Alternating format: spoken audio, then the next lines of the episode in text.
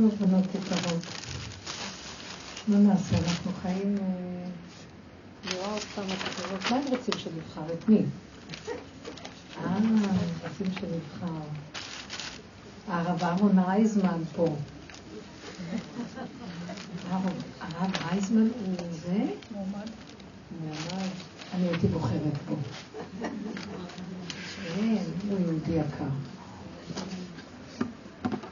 אבל מה אני אגיד לכם כבר? אני לא יודעת, התבלבל הכל. התבלבל העולם. אני רואה עולם שאני לא יודעת מה... שגם החרדים הולכים ומתערבבים בתוך העולם ורוצים להשפיע. כן, רוצים להשפיע בעולם ולהיות שייך. מה, מה, מה טמון פה בעצם? מה, אנחנו תמיד אמרנו בצד, אמרנו פוליטיקה לא בשבילנו, כל העולם ה... כלומר, יש משהו בכל הרשויות וכל זה שהם לא בדיוק שייכים לעולם שלנו. אז מה עכשיו קורה לנו? יש כאן סוד מאוד גדול, אבל אני גם לא... טוב, אז עכשיו תקשיבו ותשמעו. אני מנסה לבדוק ולראות מה הסיפור שלנו כעולם חרדי שאנחנו מתערבבים בעולם. כל הזמן אנחנו פחדנו להתערבב. עד שלא אמרו לנו, אה, יצרו את מפלגת דגל וללכת להתערבב, ועשו ש"ס וכל זה, אז הגדולים אמרו ללכת לבחור, כדי שיהיה לנו, לעולם החרדי, משפיעים שיוכלו קצת לתת לנו תקציבים, ויהיה לנו קיום, ויהיה לנו זה. מצד שני, תמיד היה פחד שאם אנחנו נתקרב למלכות, במרכאות, שזה עולם ששולט בו החילונים, אז אנחנו בסכנה, כי הם הולכים בכיוון אה, אחר. תראו איך אנחנו נראים, כאילו אנחנו שייכים באיזה אה, מלכות של אומות העולם, ויש גם אה, כמה אנשים יהודים ששייכים, חלילה, כולם יהודים. אבל לפי השיטה שהעולם הוא הולך בכיוון אה, חילוני, מה הכוונה המדינה? יש לה בג"ץ, והיא לא הולכת בחוק התורה, כאילו. אתם מבינים מה אני מדברת על העניין? כן, כן. אני חושבת המחשבות שלי. באמת זה, זה צריך לברר את האמת פה, לא אנחנו תמיד רוצים לברר את האמת.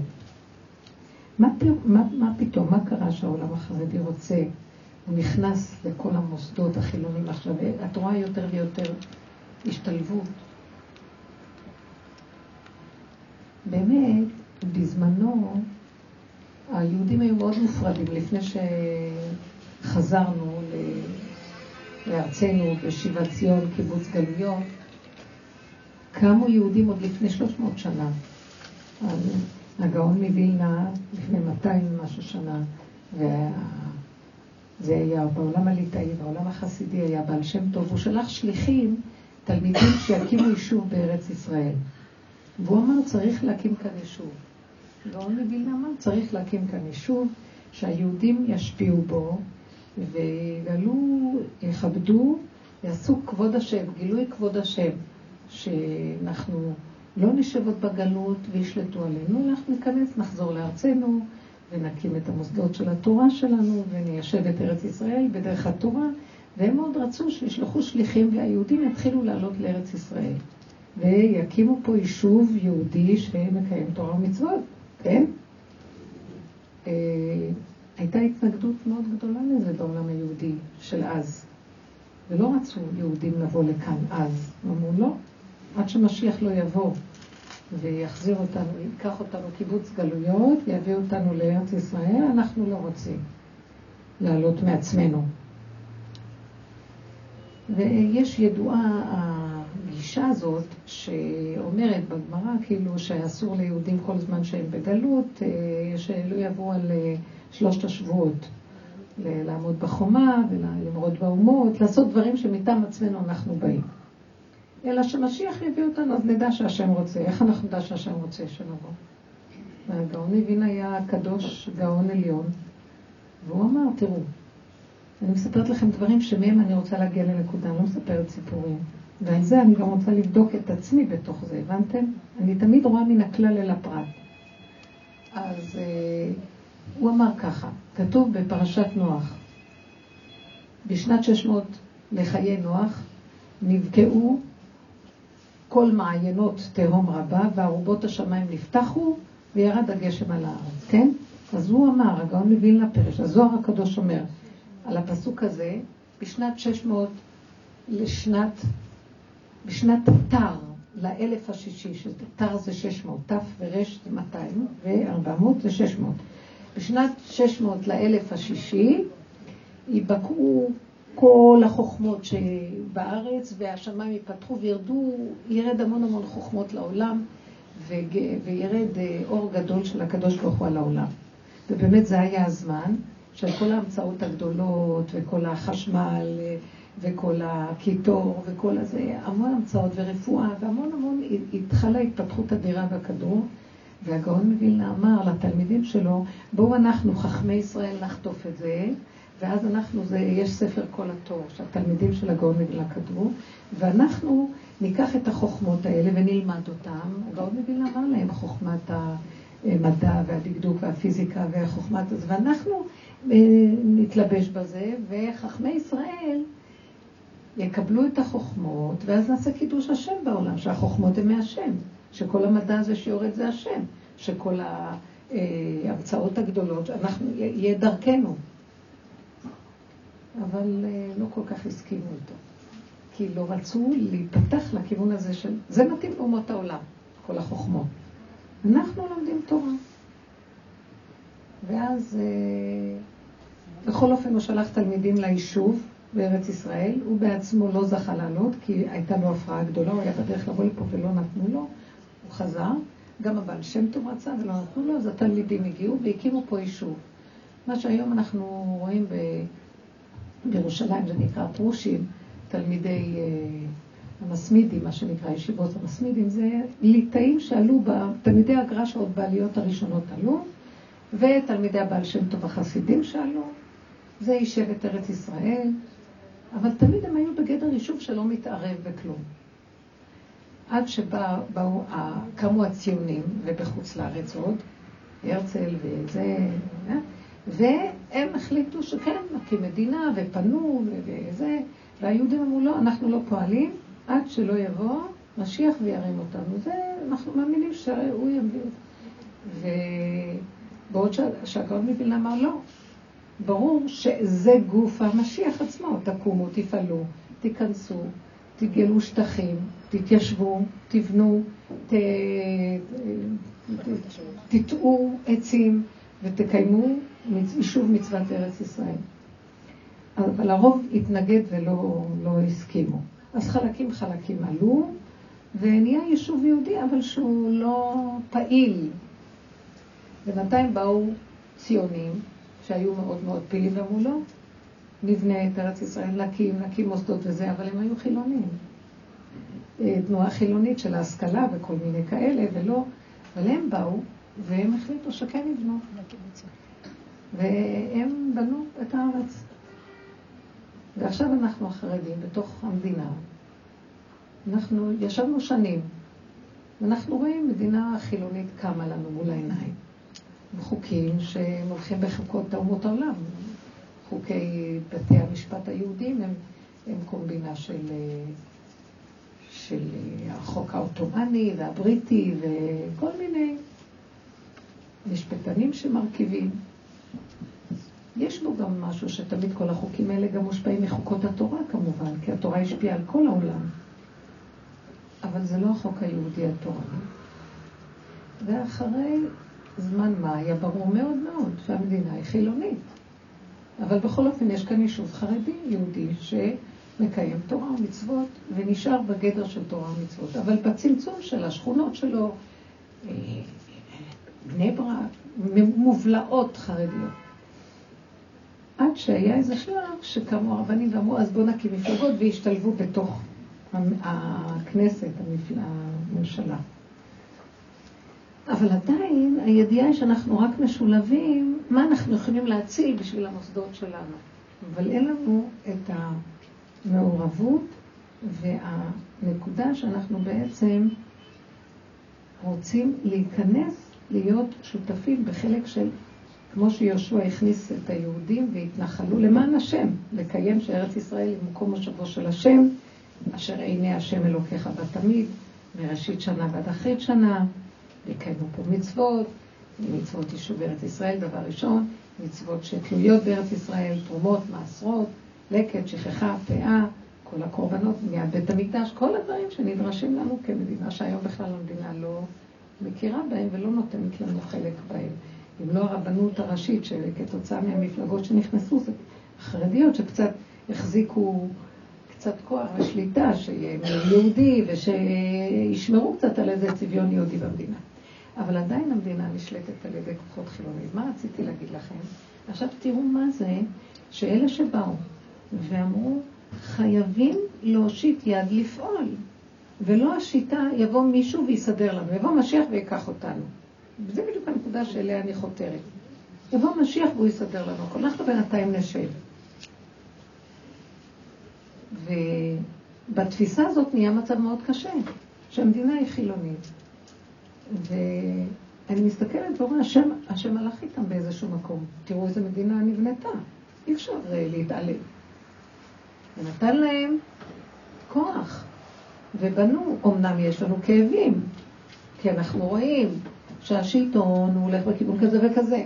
גם הצבא, לא הולכים לחוק התורה, אז הרבה חיילים גם אה, יכולים למות, כי המצביעים מחליטים החלטות כאלה או כאלה או כאלה, ואין להם את היראה שיש לתלמיד חכם שמפחד להוציא חיילים סתם, כי אם לא יקום איזה אחד עם מוסר מאוד גבוה, אבל גם כן, אם אין לו תורה, אז הוא לא יכול, הוא לא יכול שיהיה אכפת לו כל כך.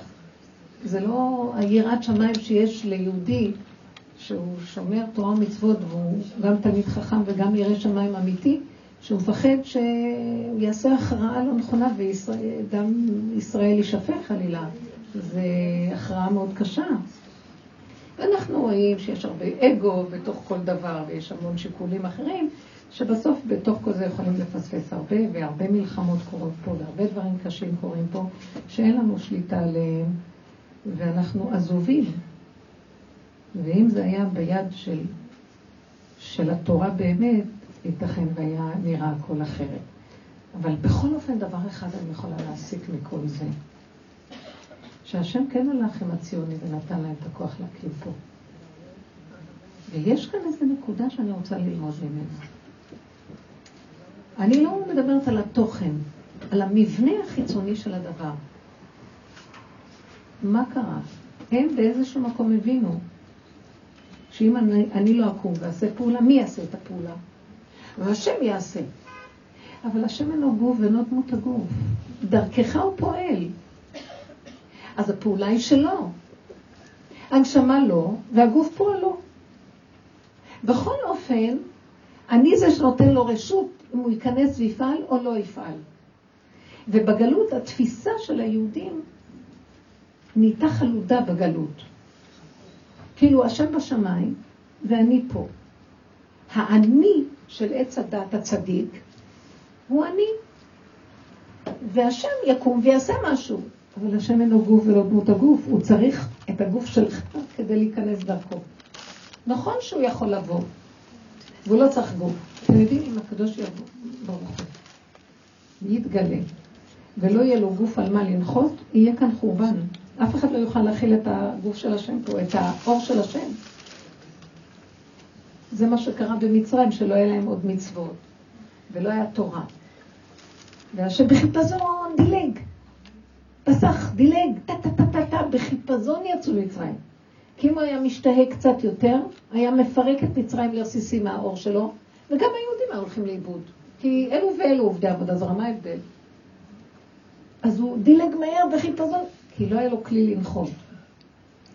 עכשיו אחרי כל הגלות הזאת, עם כל התורה ועם הכל זה, אז היהודי יכול להגיד, אבל בורא עולם, אתה לא גוף, לא דמות הגוף, אתה יכול להיכנס דרכי ולפעול. אז לא, המחשבה הרוחנית, מה אומרת לבן אדם? לא, אני מחכה עד שהוא יבוא ויפעיל אותי. אני רוצה, זה באמת מאוד דק, ויש משהו שצודק בדברים שלנו. איך אני אדע שזה אני ולא השם? הנה באה הדרך שלנו ועובדת. הדרך שלנו מבינה את התהליך האחרון. והיא הדרך שאם לא נעבוד בה בתהליך האחרון, נשב עוד בגלות ששת אלפים שנה, ונחכה שיגלו אותנו. ויכול להיות שיש זמן שהגאולה תבוא. אבל כשהיא תבוא, ידחפו אותנו, יאללה, זוזו כבר, כמו אשת לוט ולוט, צו צו צו צו מהר, ורגע אחד תעשה איזה משהו לא לעניין, נפחים. אתם יודעים משהו, פצצה אטומית יכולה לפרק את הבן אדם בשנייה. יכולה בשנייה. מידת הדין מאוד גדולה. מה אני רוצה לומר שהדרך שלנו עושה? אני לא באה בטענה על שום מלאכים שהיו. אני רק מסתכלת ורואה תפיסה של הגלות. אם אנחנו לא נצא מהתפיסה, אז תבוא גאולה, אבל אנחנו לא, לא נהיה שייכים לה. כי לא יהיה לנו כלי להכיל אותה. והיא קיים תתקיים, כי יש לה השם זמן. יש יום, קרב יום, אשר הוא לא יום ולא לילה. וביום, ב, ב, וקרב יום אשר, איך כותב שם? קרב יום, אשר הוא לא יהיה, בערב יהיה אור. אני לא זוכרת את הפסוק. איך? לילה כיום יאיר. לילה כיום יאיר, ויש פסוק שאומר, לעת ערב יהיה אור. כלומר, יהיה איזה רגע שיבוא הדבר. עכשיו רבותיי, אני רוצה להגיד נקודה, וקשה לי לה, איך להביא אותה במילים. הזמן הזה יבוא, מצד השם זה יכול לבוא, אבל מצד הכלי שהשם דרכו מתגלמה. ואני למדתי בכל ההתבוננות העמוקה, שכשאנחנו בעולם הגלותי, הרוחני, אומרים השם, השם, השם, אני עושה פה, השם עושה שם. יש משהו שאנחנו לא מבינים, זאת גוף הגלות. מה זאת אומרת שאני מחלק, שהשם שם ואני פה? וכשאני עכשיו פה, מי זה שנותן לי פה לחיות ולעמוד עם הרגליים פה? מי זה שמדבר מהפה שלי? ומי זה שנותן לי את המחשבה לחשוב? בתפיסה של הגלות אנחנו לא רואים את זה, זה מאוד מאוד מחולק, כי זה תוכנת עץ הדת. יש אגו, יש אגו שלילי ויש אגו חיובי. אני אגו חיובי, לפי התורה, אבל אני עדיין קיים. אגו זה מילה לטינית, אני קיים. אני קיים, ויש גם השם והוא שם. אבל זה עץ הדעת, ככה הוא מראה לנו את התמונה. הוא מדמה לנו דמיון, שיש אני ויש גם השם, ויש אתה והוא והם וכולם. ככה זה החלוקה. באמת לאמיתה, האמת, וזה עץ החיים, שאין עוד מלבדו. והגוף הזה הוא שלו, והנשמה שלו, והפעולה של הגוף גם שלו.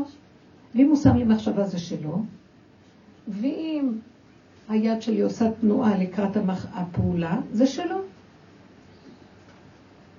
הנשמה לך, המחשבה שלך, והגוף פועלך, פועלך. אז מהי, איפה כאן בעצם הגלות? מה תוקע אותנו בגלות? החלק של הרגש, הרגש, תחושת האגו ותחושת האני. אני מתערבב בפרשנות, ותודעת עץ הדת, שאנחנו כל כך לומדים אותה ומכירים אותה מעצמנו, היא זאת שבעצם אנחנו בוחנים אותה. איך אני יודעת שזה השם וזה לא אני? יש מחשבה. אני מתבונן ורואה שהמחשבה באה ואומרת לי, תפעל פעולה, אני פועלת פעולה. פתאום, כשאני פועלת הפעולה, הדלת נפתחת, ומדבר לדבר הפעולה נעשית. בוא נגיד הפוך, אני, יש לי מחשבה, והפעולה נעצרת. דברים שאני באה לעשות לא הולך. אני מתחיל להתרגז, אני נהיה לחוץ, אני רוצה לדחוף, אני כועס, אני עושה השתדלויות, מחפש פתרונות. אני במאבק, אני בניסיון ואני רוצה עכשיו לפתור את הבעיות. זה כבר לא השם, זה אני. למה? כי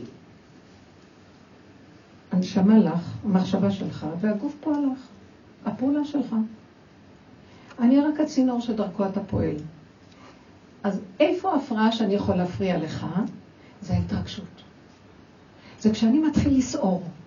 כשאני מתחיל לסעור, פירושו דבר, מתחיל לפרש את הדברים, מתחיל לפחד, מתחיל להכניס את השיקולים שלי, ואני יוצא מהגדר של, סליחה, אני רק צינור. סליחה. אני רק פועל מגדר זה שאתה שמת לי את המחשבה, וזה שלך. בן אדם שהמוח שלו מבלבל אותו, זאת אומרת, הרגש מסיר אותו, מתחיל לחשוב מיליון מחשבות, מה אני אעשה, לא אעשה, כן אעשה. הוא מתבלבל.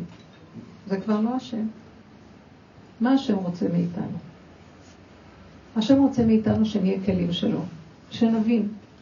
אם מחשבה באה, בא הגאון ואמר, הוא היה אדם גדול. למה האמינו לו שהוא גאון גדול בתורה ובהכל, ובדבר הזה התנגדו לו? כמו שהוא פוסק לך נקודה, אומר לך איזה דבר, הוא אומר לך בוא נעלה ליישב את ציון. למה אתה מתנגד? יש פחד, אולי אנחנו פורצים את הגדר, שבגלות אה, סגרו עלינו, אבל הוא אמר, כבר נגמרה הגלות. בשלב זה עכשיו יש פתח חדש. לא, מאיפה אנחנו יודעים? אני אומר לכם. זאת אומרת, אני מחפש שמי שיבוא ויגיד לי, בואי, המשיח נמצא ב... ליד הקניון, בואי לשם. המשיח עומד ליד הקניון. אני לא אכפת לי, אני רוצה משיח, אני רצה, כמו משוגעת. יש איזה משהו של תמימות, שמי שרוצה כבר גאולה לא יכול כבר יותר לחכות. אבל אז לא. קם משהו שמתעקש. הישות של האדם, ויש משהו שאני לא יכולה לצחוק עליו. אנחנו מפחדים, כן, מי אמר? ואולי אנחנו נעשה טעות, ואולי זה ואולי זה ואולי זה, בדרך שלנו אנחנו לומדים. אני לא יודע, אני לא רוצה לחשוב. טעות, לא טעות, מי אמר, לא אמר, זה השיקולים של עץ הדת, וזה הגלות בחשיבה של כאן ופה וכאן ופה, וצריכים כל הזמן לברר את הבלבול. אתם יודעים, הגיע איזה זמן שנגיד, לא יודע, לא כלום, אני לא יכולה לסבול את החיים שלי, אמרו שמשיח שם, בוא נרוץ. ואם הוא לא יהיה שם, אני אחזור אחורה. מה הפסדתי? יותר טוב לי לשבת ולהתבלבל. אם זה לא רצונו של השם, לא ילך כלום. ואם זה רצונו של השם, דברים רצים, דלתות נפתחות ודברים קורים. אלה נפתחו להם הדלתות. כי הם הלכו בלי קשקושים מדי. זרקו את המוח, זרקו את הכל, אמרו, הולכים.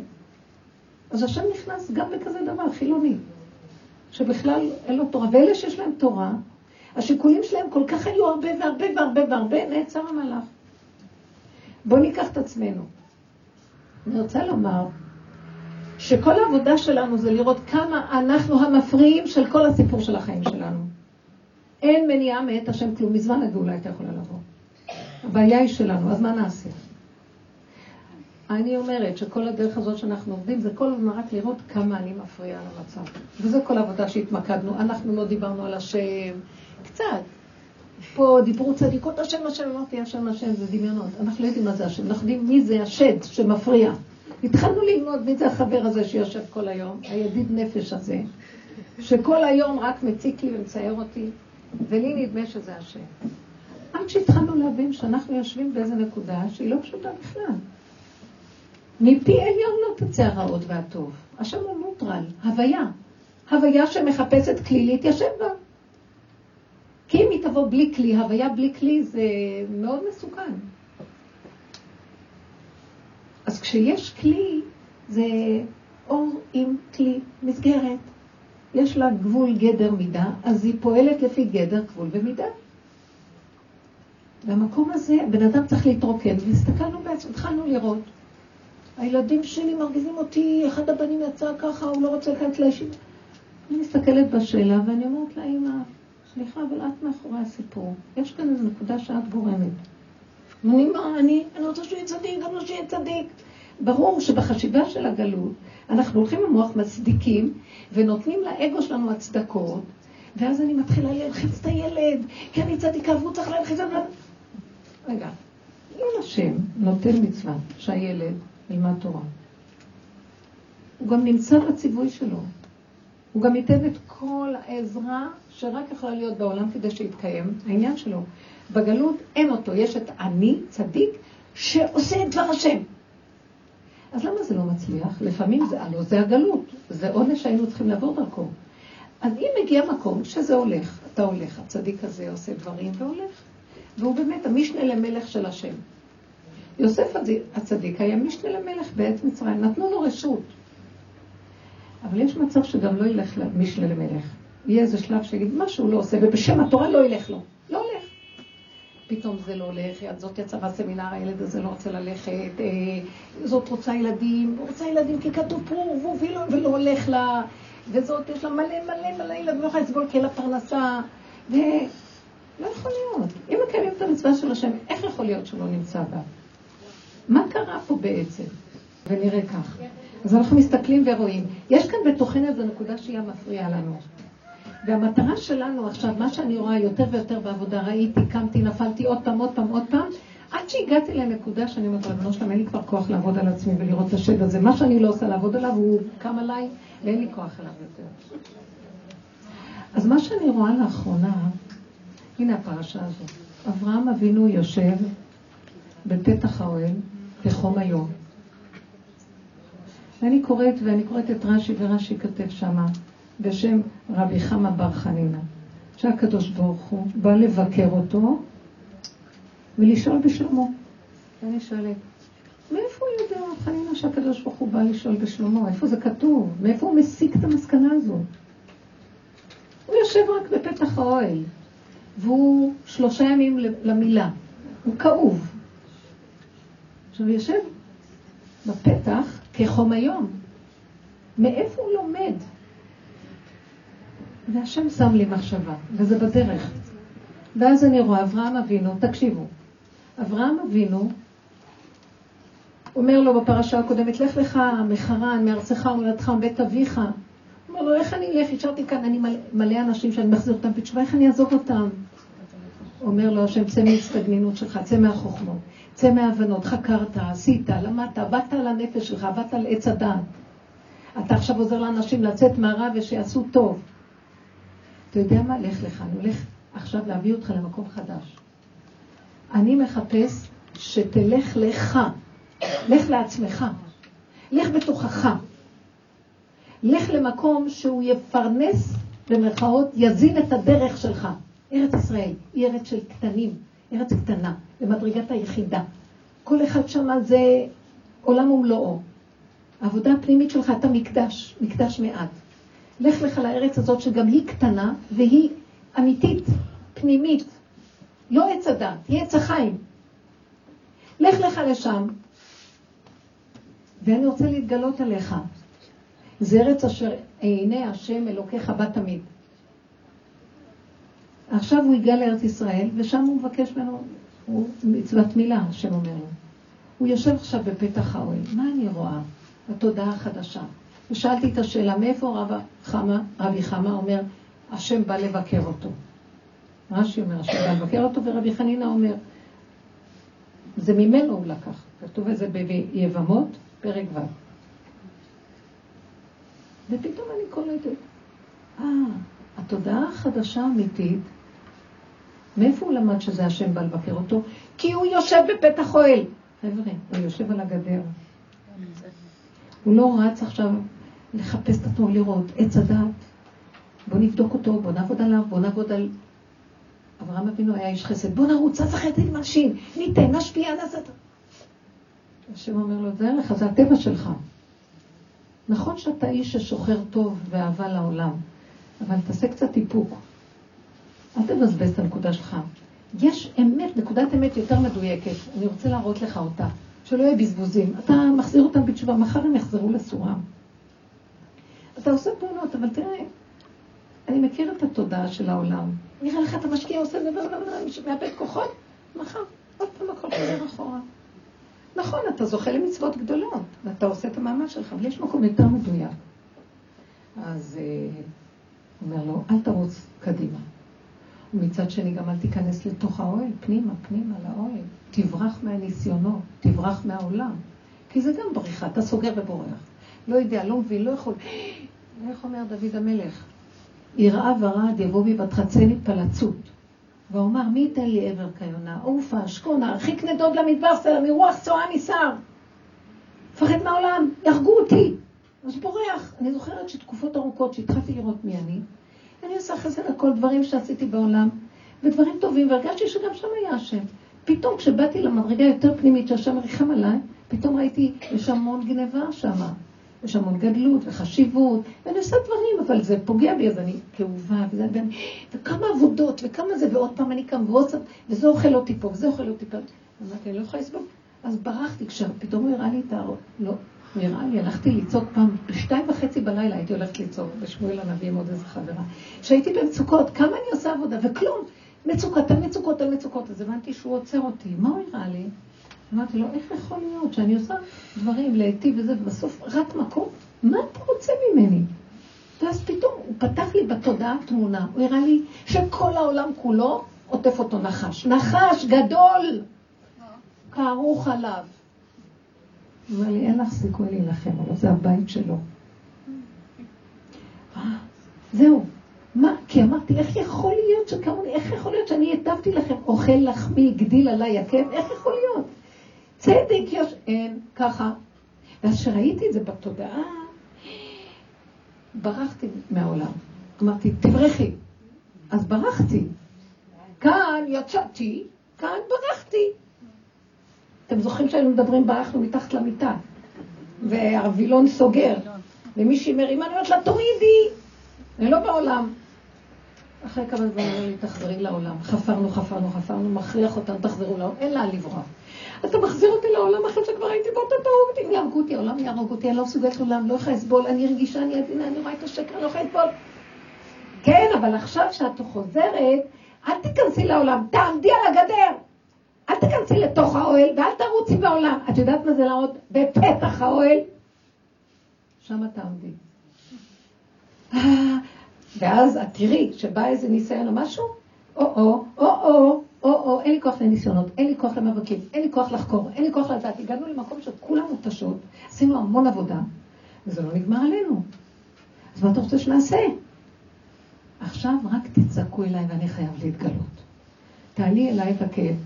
אברהם אבינו עמד בפתח והעלה אליו את הכאב, אמר לו, ריבונו של עולם, אני איש חסד, אני לא יכול לשבת שיכאב לי הגוף, ואני לא יכול לצאת לעולם, רק אל תחזיק אותי כבול, אני רוצה רק להיטיב, לא יכול לסבול הכאב הזה. מצד שני, לברוח לתוך האוהל ולשכב במיטה עם הכאב שלי, אני לא יכול לסבול, אז אוי לי מיצרי, אוי לי מיצרי, מה אתה? תעלה אליו את הכאב, הוא העלה אליו את הכאב, השם לקח ממנו את הכאב, ואחרי רגע הוא לא זכר מהכאב, פתאום שלושה ערבים באו, קם, מים, לחם, סולת, אה, אה, להגיש, לתת, לשחוט, לעשות סעודה. שמתם לב? מאיפה הכוח היה? השם בא לבקר אותו. למה השם בא לבקר אותו? כי הוא יושב על, על הקו האמצע. הוא לא הולך לא ימינה בסקאלה של עץ הדת ולא בשמאלה.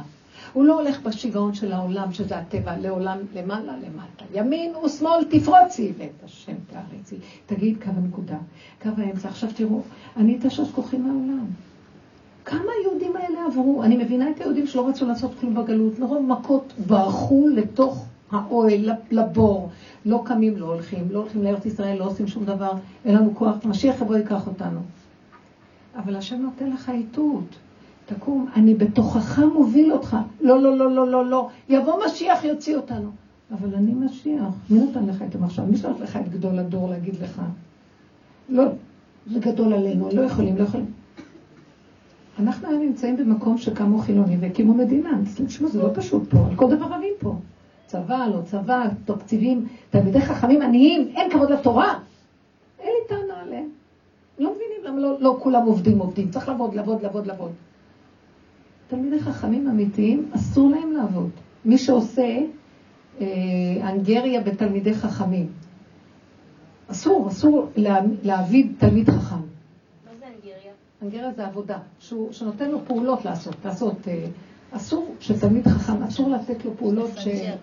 השרברבות, זה זה, אלא אם כן חצי יום הוא עובד מצד עצמו, אבל תלמיד חכם שהוא תלמיד חכם, אסור להשתמש בו, תביא לי, תיקח לי, תעשה לי, הוא קודש של השם. אלה אומרים, לא, שילכו לעבוד. אני לא, אני לא באה להגיד, אני לא באה נגדם כלום. זה תרבות אחרת. הם מבינים מה זה שעשירית מהעולם חייב תמיד לשבת וממנו יוצא כל הישועה? לא מבינים, לא צריך. אבל אנחנו, תסתכלו איך אנחנו נראים. תעמדי בקצה. כולם אומרים, אז זאת לא עושה כלום, יושבת אומרת, נו, תלכי, מה את לא, את יודעת מה זה להתמודד? את בורחת, בורחת מהתמודדות. לא מתמודדת. לא הם ולא שכרם. נמאס לי, אין התמודדות. כי אתם יודעים מה נהיה לאחרונה? קודם כל, זו תרמית מאוד גדולה, כל האגו וההתמודדות והעשייה והכל. לקראת הסוף, השיגעון של המשוגע הזה בסקאלה, הוא יושב על הכיסא, השם סגר את השמיים, כאילו לא רואים איפה השם, רואים משוגע. עכשיו, פעם הוא היה עושה ככה, אחרי כמה זמן ככה. היום, ככה ככה. רגע, את לא יודעת, רגע מתהפך. שיגעון, אנשים השתגעו, לא יודעים מה קורה. הוא רוצה להראות לנו הקדוש ברוך הוא, אתם תראו את הסקאלה שלו, משגעת אתכם ותלמדו, אין לאן ללכת. ואז אני למדתי להגיד, אני לא יכולה, אין לי כוח לזוז. אני לא, טיפה של התרגשות ממה שאני לא יכולה להכיל. טיפה של פחד, טיפה של כעס, טיפה של נקמנות על השני. נחשים ועקרבים אוכלים אותי, לא יכולה. אני אומרת לו, לא, לא, לא, לא, לא, אני יושבת על הגדר. אברהם אבינו יושב על הגדר ומוסר לך את החיים שלו. הוא לא יכול להתמודד. אם אתה לא תיכנס, אי אפשר כלום. רק אתה, רק אתה. אנחנו מתחילים לבחור, אין עוד מלבדו, ורק הוא באמת באמת. המקום הזה, מה אני רואה? פתאום הוא פותח איזה פתח, נעשית פעולה, אני עושה פעולה. הוא משכיח לי את הסערה, ואני עושה פעולה. פעולה נפתחת, ועוד פעולה נפתחת, נפתחת, נפתחת. אם נפתח, זהו. הנשמה שלו והפעולה שלו. שיעשה מה שהוא רוצה בעולמו, שיבוא ויכבוש לנו את העולם, שיבוא ויסדר לנו את החיים פה. אנחנו לא יכולים, אבל הוא עובר דרכי. אני זאת שנותנת לו רשות להיכנס. זה לא, הוא יבוא גם אם אני לא אגיד לו, אבל אוי ואבוי אם יבוא ואני, ולא יהיה לו מקום. אני מתחיל, מנסה להסביר לכם. מה זאת אומרת שהוא יבוא וירים אותנו? מה הוא יבוא וירים אותנו? חייב להיות ההשתתפות של הבן אדם שהוא יסכים שלא נפריע לו. כי עובדה שהם חיכו שמשיח יבוא. בא משיח, גאון ישראל, הגאון מווילנה היה גאון, משיח. הוא היה משיח בן יוסף בדורו, ברור. הוא אומר להם נעלה. לא. אז הם הפריעו לו לאפשר פעולה נפלאה ליישוב הארץ באמת. מעטים שבאו זכו, אבל היישוב היה קטן, יכול היה להיות משהו אחר לגמרי. אתם מבינים מה אני אומרת? ולכל דבר יש את המקום שלו.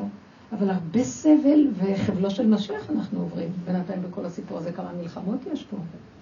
וכמה צער שאפשר היה למנוע אותו. מה, זה לא היה אפשר למנוע את כל המלחמות האלה? וכל הסיפור הזה?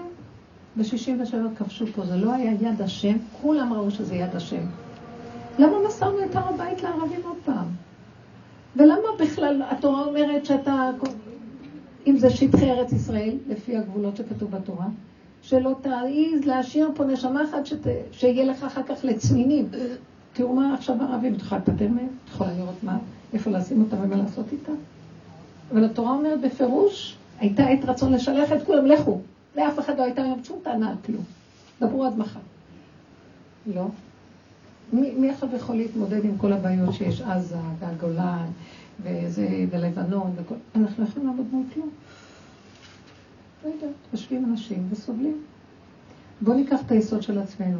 אנחנו צריכים להיכנס לתוך הנקודה של להגיד לו, ריבונו שלם, אין לי כוח יותר לסבול.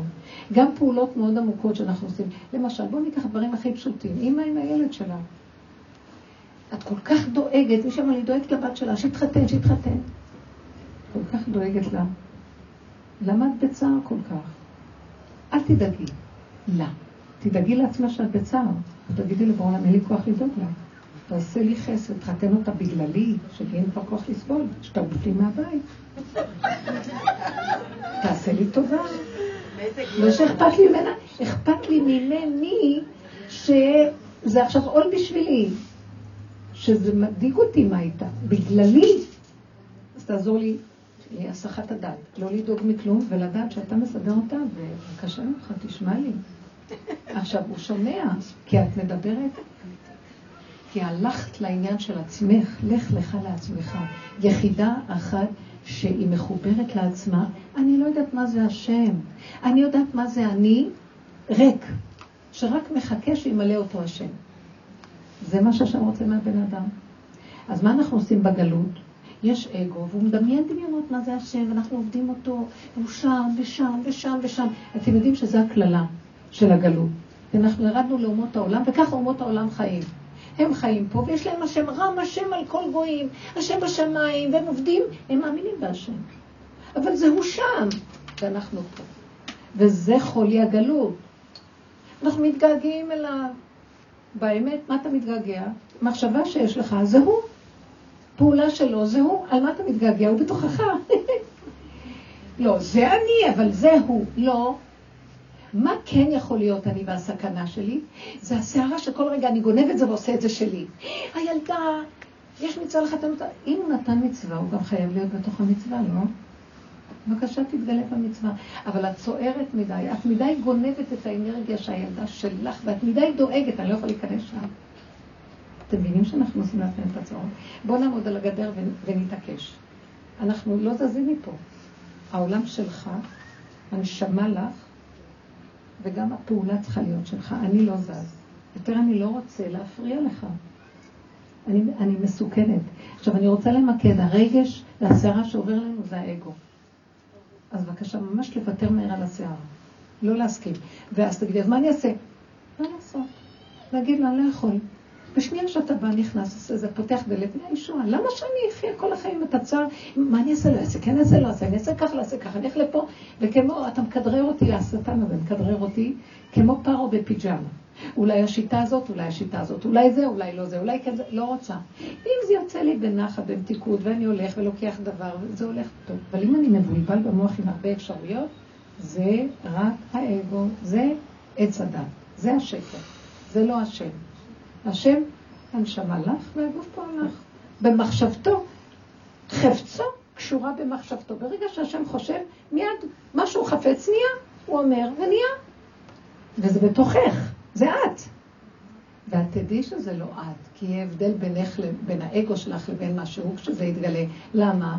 כי כשזה יהיה ממש את ריקה וזה מסתדר, את תגידי, איך להיות?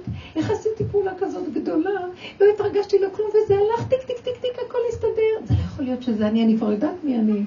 אני יודעת איך קשה הולך לי כל דבר. וואי, אבא, זה רק אתה, תודה. תודה לך, אבא. אתה מלמד אותי כמה אתה נמצא פה, למה אני מפריע לך?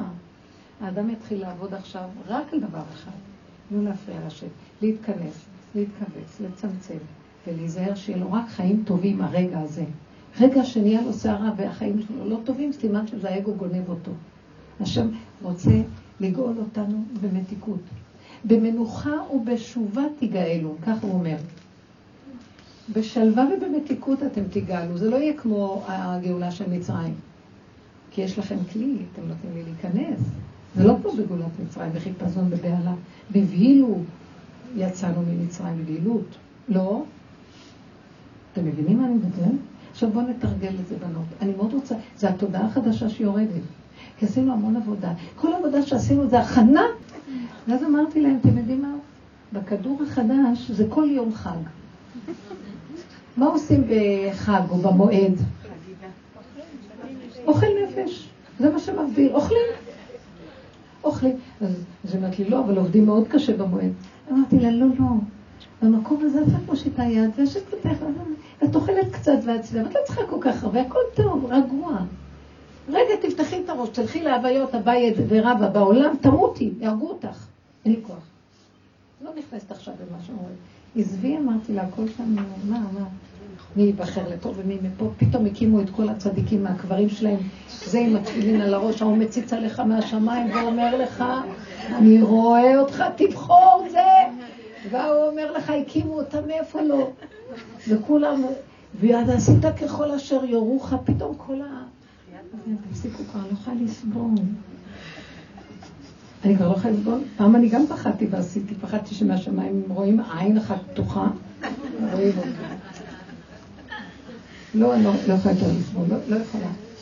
אני, אתם יכולות לעשות בפשטות, אבל לא להיכנס בזה בהתלהבות ושייכות, כי הכל גנוב. אחרי רגע לא יודעים מי אתה, בחרת שלום. את בחרת לדפוק בדלתות, אין לי זה, אין לי זה, לא יודעים, לא יודעים. זה אי אפשר, הביורוקרטיה משוגעת. לא יכולים לעשות כלום, זה כבר נחש שהוא מדי הסתבך עם הביורוקרטיה. מי שלא תבחר, כמה שהוא יהיה טוב, הוא לא יכול לעזור לך כלום. אז בשביל מה לבחור כלום? אני בוחרת לשבת על הגדר, לאכול טוב, לנוח טוב. בא לי איזה ניסיון, אמרתי לו, לא, לא, לא. לא, אבא, אני לא יכולה, אני לא עומדת בזה. תן לי מתיקות, תן לי ערבות. לא מוכנה להיכנס עם הבת שלי לחיכוך, לא מוכנה לענות לבעלי אבל אין לי כוח. הכל הבלים פה. תן לנו רש ועושר, אל תיתן לי, אטריפני לחם כי הרגע הזה שיהיה לי טוב. ברגע שנשאת, ואתה שולח לי מחשבה, בבקשה, אל תיתן לי להפוך אותה לחמישים מחשבות. מה אכפת לי, אני אושיט את היד? כן, כן, לא, לא. אני לא רוצה להיכנס בכלל במקום הזה ולעשות אותו שלי. העולם לא שלי, אין לי בעלות על כלום. עזוב אותך, אני כלי שלך, תשתמש בי. אני רוצה להישאר נוטרל. ליהנות. גולם, מה אכפת לו? רבותיי, כמה, כמה סבל יש לאנשים בכלל לא מבינים. גם אפילו לא יודעים שהם סובלים. ספוגים בסבל, כן. ברוך אתה אדוני אלוהיך, אנשי הכל נכון אמרת שהשם אה, רצה בזה שהציונים ייכנסו, כן, כביכול, לממשלה וכן יפעלו, כאילו, מה זה ייכנסו לממשלה? הוא לא רצה, אבל לא הייתה ברירה. כן, אבל הוא אהב את זה. הוא אהב שאנשים קמו ואמרו, נכנסת לנו רעיון, נושיט יד. אלה נכנסו מתחת למיטות וברחו, ואלה אמרו, נלך. איך אני יודעת את הגבול להבדיל להיות על הגדר, כמו שאתה אומרת? לא, לא להיות רק עם העבודה שלי ולהיכנס... אם אין לך... על הגדר יש רק רגע אחד, יש רגע אחד של ניסיון, נכון? איך את יודעת מה זה ניסיון? מצוקה. לרגע אחד. סתירה בין שני הפכים, את יודעת מה לעשות. באופן טבעי המוח אומר, אולי ככה, אולי ככה, לא ככה, כן ככה. בבקשה. לא ללכת על המוח פתוח. קחי את הכאב שיש לך אפילו ככה. ותגידו, ריבונו שלום, אוי ואבוי. אני יותר מפחד שאני לא אקפוץ מעל עצמי ואתחיל לשהות בעולם. אני יודעת מי אני, לא יכולה. מצד שני גם, אני, אני אכנס מתחת לאדומה ואגיד לא. אוי לי מי יסבי ואוי לי מי יוצרי, אני לא יודעת מה לעשות. בבקשה את הכאב אליך, את הפחד אליך, רחמנות עליי. אל תעביד אותי בניסיון, אל תביאני לידי ניסיון, ולא יודעת בזה, לא יודעת בכלום. בבקשה תתגלה. מה זה תתגלה? אל תיתן לי לסעור מכלום, תן לי חיים טובים. אני רוצה חיים טובים. עוד רגע, ועוד רגע, ועוד רגע. שמעתם? ככה אני אומרת לו. בחוק שתיתן לי חיים טובים. נגמר לי. ואז אני קולטת גם שכל מה שנראה לנו שערות וניסיונות וכאבים, זה הבן אדם גורם. כשם רק נותן לו רגע אחד על מנת לעשות אותו. האם אתה הולך עם הגדלות והכוחנות והישות והחרדות והפנים, או שאתה אומר, אני לא יכול, לא יכול, נגמר לי כבר הכוח הזה לחשוב שאני קיים, לחשוב שאני מציאות. זה כוחנות. או כוחנות חרדתית, או כוחנות אה, כובשת. לא זה ולא זה, אני לא יכול. לא יכול. יותר טוב לי לשבת. תקשיבו, אני מסתכלת על מה שקורה היום בעזה. קצת, אני פה בודקת, רואה ממה שמדברים. כאילו ההנהגה יושבת על הגדר. הם שורפים, הם עושים, וכל הזמן מפחדים להיכנס בהתנסות. יש כאן משהו מאוד גדול, שמבליגים. זה לא שחופרים את הראש באדמה, זה באיזשהו מקום מבליגים ומתאפקים עוד קצת. זה כאילו, זה הזמן שאנחנו אומרים להשם, רבותיי, ריבונו של עולם, אם אנחנו נכנסים להתעמתות מולם, חיילים יכולים למות. כל נפש מישראל חשובה מאוד. אם לא נתעמת איתם, תראה מה קורה. זה זמן המתנה כזה שאנחנו, מה שרק נדרש פה זה רק הצעקה להשם. אנחנו לא יכולים לעמוד יותר בכלום. תתעורר לקראתנו. תעזור לנו. תגלה את מציאותך עלינו בשנייה שאתה מביא פתרון לכל הסיפור הזה. אין לנו דרך איך לצאת מהמבוך שנכנסנו אליו. מה שנשאר פה זה, זה דוגמה למציאות של עצמנו עכשיו. איך אני אדע? הסערה. יש כאלה שאומרים, נכבוש, ניכנס, נעשה. זה באמת קשה. מצד אחד הם צודקים, הם סובלים. מצד שני, ראיתם שנכנסו בפעם שעברה. מאה חיילים הכי יפים, צעירים, מתוקים, מתו. מאה חיילים מתו. על מה? על מי? בשביל מי? מה נהיה ישועה מזה? זה רצועת מרדות קשה, זה עמלק בכבודו ועצמו. והחלק האחרון של עמלק, אנחנו מגיעים לגדר ועומדים. השם יילחם לכם ואתם תחרישו. כי יש לנו, בכל המהלכים, עוד עבודות שאנחנו עושים למחות את עמלק. אנחנו גם מצווים במחייה שלו. יש פעולות ויש עשייה והתבוננות בכל החורים והסדקים, במידות שלנו, בזה. ואנחנו לוקחים אחריות, ואנחנו בכאבים ועוד פעם ונופלים, והוא גומר עלינו התבוננות, זאת אומרת, הדרך הזאת היא לא קלה. נשבר לנו האגו, מתרסק לנו הדמיון, זה לא קל. יש איזה רגע, כמה עשינו, כמה עבדנו ולא נגמר עלינו. מה עוד רוצים מאיתנו? כמה חללים נפלו פה? כמה מלחמות היו פה? מה יהיה פה? לא יודע, רק אתה יודע, אני לא יכול. עכשיו אני אומר לך, קורו אתה תילחם, כי אני כבר לא יכול. עכשיו זה המלחמה של השם בעמלק מדור דור, אני לא יכול. הגדר הזאת שאני עומד פה ואני מצטמצם פנימה כאשר אני קורא לו, די, רק אתה. בלי לעשות תנועה שגונבת לו לכאן או לכאן, זה המקום שמתגלה. ותתעקשו על זה. תתעקשו, אל תתערבבו מדי. זה צריך בשביל זה חוזק, שתגידו, אני, לא אכפת לי כבר מכלום, לא מהילדים ולא מהכסף ולא... צריך לבוא למקום שכל כך המצוקה כבר גדולה. ממה? בוא נגיד על הכסף. כמה חרדה יש בכסף הזה? הוא הורג את הבני אדם. אני כבר לא יכולה לסבול, כשאני מתבוננת כל השנים בתנועה שלו, אני לא יכולה לסבול, אני אוהבת את הכסף, אני מאוד אוהבת כסף, אבל מה הוא עושה לי? אז כבר זה הופך להיות שאני רואה שיש בו איזה משהו נושך. ואז אני צועקת להשם, כמה אני אחוזה בו, תעזור לי, לא רוצה, לא מוכנה, לא מוכנה. ומגיע רגעים שהחרדה מאיזה דבר שאני עושה בכסף, ואחר כך משהו לא הולך, שהנפש שלי כל כך כאובה מהחרדה של הכישלון, שהיא יותר, יותר גדולה מהפחד שלי להפסיד את הכסף. אתם מבינים מה אני מדברת? הצער של הנפש, מה שהיא עוברת, לא שווה כל חללה. חללי דהי עלמא, הכסף הזה. הבן אדם כבר לא יכול לסבול את החיים. הוא לא רוצה. קחו את הקוטנים לנשום ורק להיות איתך. אתם מבינים לאיזה מקום שהשם מביא אותנו? הוא מכריח אותנו שלא נרצה כלום, רק את השם. לא ילדים ולא בעל ולא חיים ולא כסף ולא כלום. כי הוא יביא כמו נחש מוקשים בכל דבר. עיקשות. שכבר אנחנו לא נוכל את זה, הוא בכוונה עושה לנו את זה. על מנת לשמוע את הצעקה שלא יכולים יותר כלום. ואז אנחנו נבין שלא הכסף מושיע, ולא הדמויות מושיעות, ולא הפעולות האלה, ולא הפתרונות האלה, זה רק אתה. ואני, מרוב פחד של כאב, שאני לא יכולה לסבול יותר שום כאב, זה בדקויות. אומרת, לא יכולה, לא יכולה, אז לא שווה לי כלום, לא שווה, אז לא צריך כלום, לא צריך, מה אני צריכה פה כלום? לא צריכה כלום, רוצה לנשום. ילד קטן שנושם וטוב לו ברגע הזה שהוא חי. אני מרגישה איך הוא פותח את השערים שם.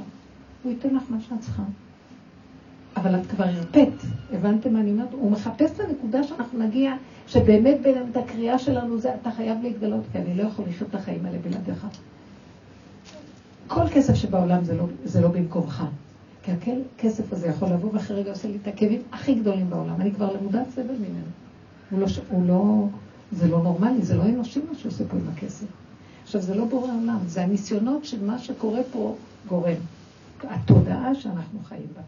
לכן הוא רוצה להביא אותנו לנקודה של נאמנות מוחלטת אליו. מי להשם אליי באמת. אז זה עכשיו שעה כזאת של התבוננות והכרה והתעקשות. אז תגידי לי, איך אני יודעת אם זה השם או אם זה אני? המצוקה. אם את במצוקה, סימן שזה את. אז אני מעלה לו את המצוקה על הגדר, ואחרי רגע, אני יודעת שהוא התגלה? יש איזה משהו מאוד מעניין. יהיה לי הסחת הדעת. פתאום נעלם לי המחשבה ולא כואב לי כלום, לא אכפת לי, לא אכפת לי. תשמעו, אני רואה שהוא ממש פה, הוא קרוב מאוד, הוא שומע אותך. לא רוצה רק להיות כאובה, זה מה שאני מתפללת. לא אכפת לי כלום, אתה רוצה דרכי תפעל מה שאתה רוצה. כאב, מלחמה, צער, רוגז ומכאובים, לא בשבילי, לא רוצה. לא מוכנה. זה עוד האגו של עץ הדת שחושב וייתן כאלוקים, אני אעשות את הניסיונות, ואז אני מראה שאני יכול, אני אתגבר, אני לא רוצה, לא רוצה. נגמר לי הכוח לאגו הזה. כשיגמר הכוח לאגו, יקום השם. עוד האגו הזה רוצה ניסיונות, כי הוא רוצה להראות שהוא יכול. כשנגיע למקום שאני לא רוצה להתמודד עם כלום. אבל אני לא מוותרת על החיים, רק רוצה אותם מתוקים. זה לא ייאוש. לא, רוצה, יש לי ברור חזק במוח. לא רוצה, אל, אל תספר לי סיפורים על העשירות הזאת. אנשים יש להם עשירות והם מתים מהמחלות ועוזבים את הכל.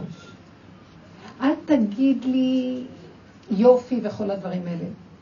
בבת ברגע אחד, אישה הכי יפה יכול לקבל איזה משהו, ופתאום, אני לא יודעת מה, כבר כלום לא בעולם מושך על משהו. ולא יכול לפתות את הבן אדם. הכל בעולם כאילו מפתה. אלה זכו בפרס, אלה המציאו המצאה. תעזבו, אף אחד לא יכול לעשות כלום. אחרי רגע מישהו אחר ימצא המצאה יותר גדולה, והם ימותו מקנאה. וכל היום התחרות לא נותנת לך מנוחה. אז זה ככה, ככה זה עובד. אני לא יכולה לסבול יותר פה כלום. כי הכל כאן זמני ורגעי, ולרגע נראה, אה, כוכב לרגע. רגע אחר, כוכב אחר ימי במקומי, ו...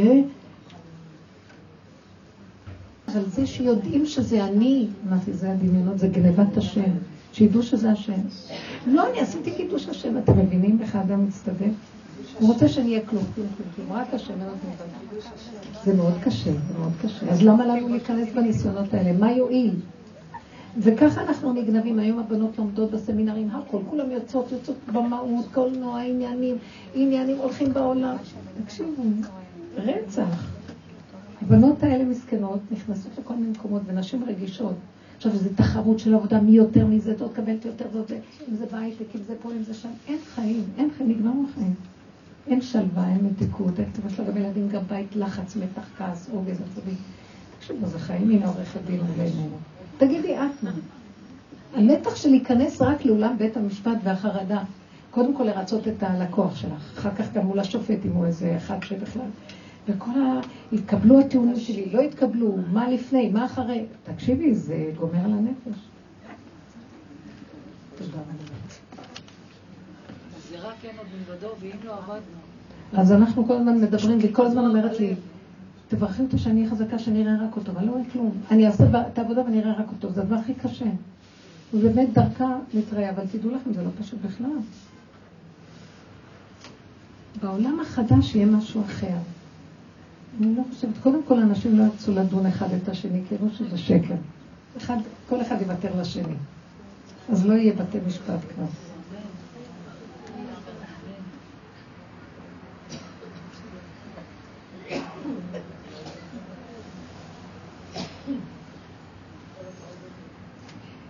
מבחינת ההלכה גם מותר להיכנס לבית משפט ולדון בדיון? להציל השוק מגוזלו. איך, איך? כדי להציל השוק מגוזלו, כן. כדי? להציל השוק מגוזלו. יש כזה דבר? יש הרבה ראשים שיגידו. אתה יודע, חברות הביטוח זה מאבק מתמיד, הם לא מעוניינים לשלם את הכספים. קשה. אנשים פשוט מערכת שקשה להציל את העושק, קשה להציל את הג- את הנגזלים. מערכת... של הכדור נכנס לשם בדיוק. מה, מה? ההנחה שדיברת עליו נכנס לתוך. נכנס לכל מקום, לכל מקום, לכל מקום. אז לא אכפת לי אם השם שולח אותי. אבל הוא שולח אותי, מה אכפת לי? אני לא נגועה בכלום, אבל אנחנו, עד שאנחנו חותכים, ליבי חלל בקרבי והאגו שלנו מחוץ, נחליט שלא רוצים ללכת לבית משפט. כאילו, כאילו, נראה שבעצם אה, מה שעוד מושך אותי לדבר זה, יש שם איזה ארז שמושך כבר מ... אין חשק, כבר לא ירצו ללכת לאף מקום. זה בלית ברירה. אה? זה בלית ברירה. זה לא עכשיו כדי לזכות באיזה... זה מהאגו שעוד חושב יהיה לי מזה משהו ותהילה וכסף וזה וזה, והוא תולה את יהבו בדבר. אבל עוד מעט יגיע מקום שלא ייפול כל המקום הזה, ורב אושר היה אומר, הכסף יהיה זרוק ברחובות, וכל אחד יצחק, יצעק, זה שלך, לא שלי, מסריח, יברחו אנשים. כבוד הרבנית, אם כל הנשים שדיברת עליהן, לא שזה יכול לקרות, אבל תגיד, היו נכנסות היא לסרט והיא למשפט והיא למטבח, בלי האני שלהן, אז כן היית ממליצה לה ללכת? אני, לא יצטרכו לשאול אותי, כי אם יש שאלה, יש אגו. כי השאלות באות לא, מהאגו. ברור, אמרתי שזה בלתי אפשרי, אני מדבר רק בשם עצמי. כי ככל שהאדם הוא יותר... אז היה סיבה, מה שנשאר זה רק סיבה. אז אם הסיבה מראה לי ללכת, הייתי הולכת, כי מה אכפת לי? אני רק שליחה כמו דבר ששם את הטבע, את המכתב בטבע, מה אכפת לו בכלל? זה מאוד. כתוב, אה, בימות המשיח, עולם כמנהגו נוהג, אבל אני לא יודעת אם יהיה מה שנקרא של היום ערכאות וכל הממשלה, אני לא יודעת, לא נראה לי. לא נראה לי. לא נראה לי, כי אז ימות המשיח זה שבא כבר יסוד של משיח. ימות המשיח, אני לא יודעת אם זה עדיין הגילוי של בן אדם בתור משיח, אבל ימות המשיח זה תפיסת המשיח. ואז יכירו שהכל כאן דמיון. יכירו שה, שכל המערכות נגועות וכל אחד מחפש את האגו והטובה של עצמו ולא באמת למען הציבור ולמען זה. מה, מה? יהיה ריק, או כתוב עולם כמנהגו נוהג, זה יהיה ריק. בדיוק, אנשים לא ירצו ללכת לדון, כי אף אחד לא יהיה לו טענה לשני, וכל אחד יגיד לא נורא, לא נורא. לא יהיה להם ערך לנצח ולהראות לשני. הכסף לא יהיה לו ערך כמו היום. צריך להשתמש בו כי הוא כמו איזה משחק. זה המשחק. אבל לא יהיה לו את הערך, את התוכן הארסי הזה שיש בו היום. זו תכונה קשה יש בו. והכוחנות. יראו שבלי כוח אני מזיזה דברים. הכל זז גם בלי כוח, מאליו הכל זז. את רק רוצה משהו, זה כבר נהיה. אז לא יצטרכו את כל המלחמה של היום. אבל עולם כן צריך שהכיסא צריך לזוז מפה.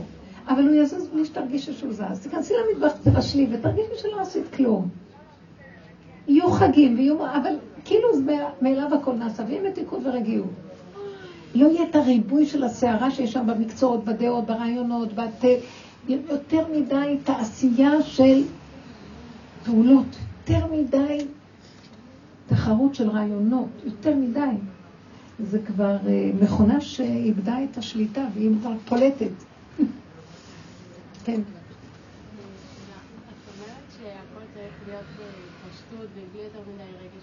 בלי רגש, כמו שאנחנו יודעים היום. יש אבל רגש אחר, מסוג אחר. אבל כן יש לדוגמה התלבטויות, אדם צריך להחליט ללכת לכאן או לכאן. סתם, אפילו בבחירת נגיד מקצוע. למה זה צריך להסעיר? בוא נגיד שאני צריכה ללמוד מקצוע. בוא נגיד שזה לומדת, רוצה מקצוע. באיזשהו מקום, הבן אדם, אם הוא קצת רגע מרוכז, הוא יודע מה הנטיות שלו. המערכות מבלבלות, יש מיליון אפשרויות. נכון, עזאזל, הרגו את העולם. הבן אדם רואה מה הנטייה שלו, מה? הוא מושפע ומחקה את המערכות. אז עכשיו קשה לו להחליט. יש שתי אופציות. השאלה מה, מה בן אדם צריך, איך כאילו אמור לדעת להחליט, מה הקדוש ברוך הוא רוצה. אין קדוש ברוך הוא כאן, תפסיקי. מערכת משוגעת, אתם חושבים שהשם יושב פה ואומר לאחד ככה ולאחד הוא עושה ככה? הוא לא פה בכלל. מה זאת אומרת הוא לא פה? אנחנו לא נותנים לו להתגלות. הוא מתגלה איפה שיש זרימה, איזון, שקט. את מבינה מה אני מתכוונת? איפה שיש בלבול הוא לא נמצא. מה זאת אומרת הוא לא נמצא? זה אנרגיית בלבול. אז עכשיו מה שאת צריכה לעשות זה לראות שאת מבולבלת, ולהגיד, רגע, רגע, מה אני מתבלבלת? בוא נגיד, מה הכי הכי מושך אותי? זה, זה וזה. נניח שלוש דברים, תעשי אנדנדינו. ותזרקי. נניח שיצא לך משהו, ואת אומרת, לא, זה לא, אז כבר יש לך רק שתיים עכשיו. עכשיו תעשי עוד פעם אנדנדינו, ומה שיצא. עכשיו תלכי, יצא לך משהו, אמרת, טוב, נלך, נלך, הלכת. מי הרשמת כל אחרי יומיים? מה עשיתי? השד שיגע אותך עוד פעם. עשיתי ש... איך? עשיתי, זהו. אם זו לא זה, הם יגידו לי לא, יהיה הפרעות, לא ירצו לקבל אותי, לא יהיה לי את הכסף, בלאגן יהיה, השם יראה לך. למה את נשארת עם הסערה? תני לו לסדר לך. טוב. אה, אני כרגע מורה. כן.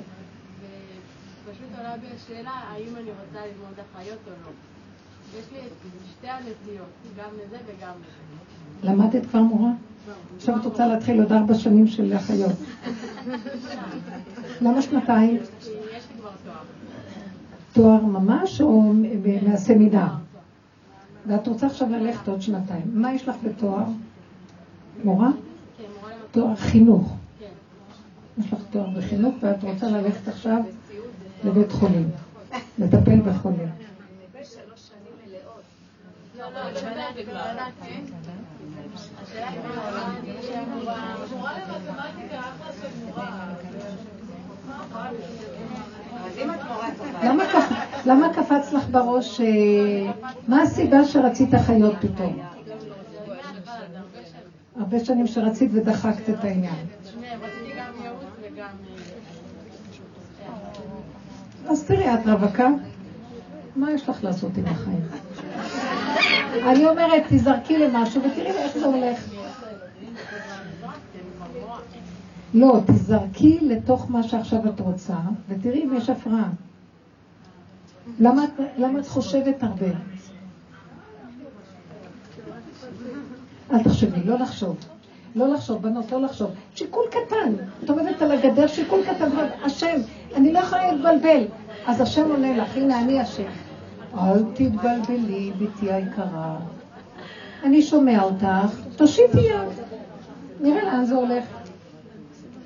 רק לא לסעור. שמעת את התשובה שלי? את יושבת יותר מדי בבלבול. תחליטי משהו וגמרנו, העיקר שלא תתבלבלו. זו התשובה שלי. לא להיות במצוקות. להחליט, לעשות, לפעול. אתם תראו את הסיבה. מה שלא צריך ללכת לא ילך. וגם הרבה פעמים הוא יעצר, ופתאום, פתאום אחרי רגע יכול לבוא משהו שכן יפתח. מה אכפת לך? תזרמי, תחללי מהחליל של השם. הסיבות. וזהו, לא להיות במצוקות. לא להצדיק את המצוקות, כי זה סתם. טוב? זהו. תודה רבה. עכשיו, אה, מרים בת יהודית, רפואה שלמה לנפש שלה. וגם הילדון הזה ש... מיכאל אברהם בן לאה ישב. כן, לאה. השם ישלח את כל התאמה לכל חולי עמו ישראל, ברכה והצלחה, סייעתא דשמיא גדולה. ישועות גדולות ואור חדש על ציון תאיר.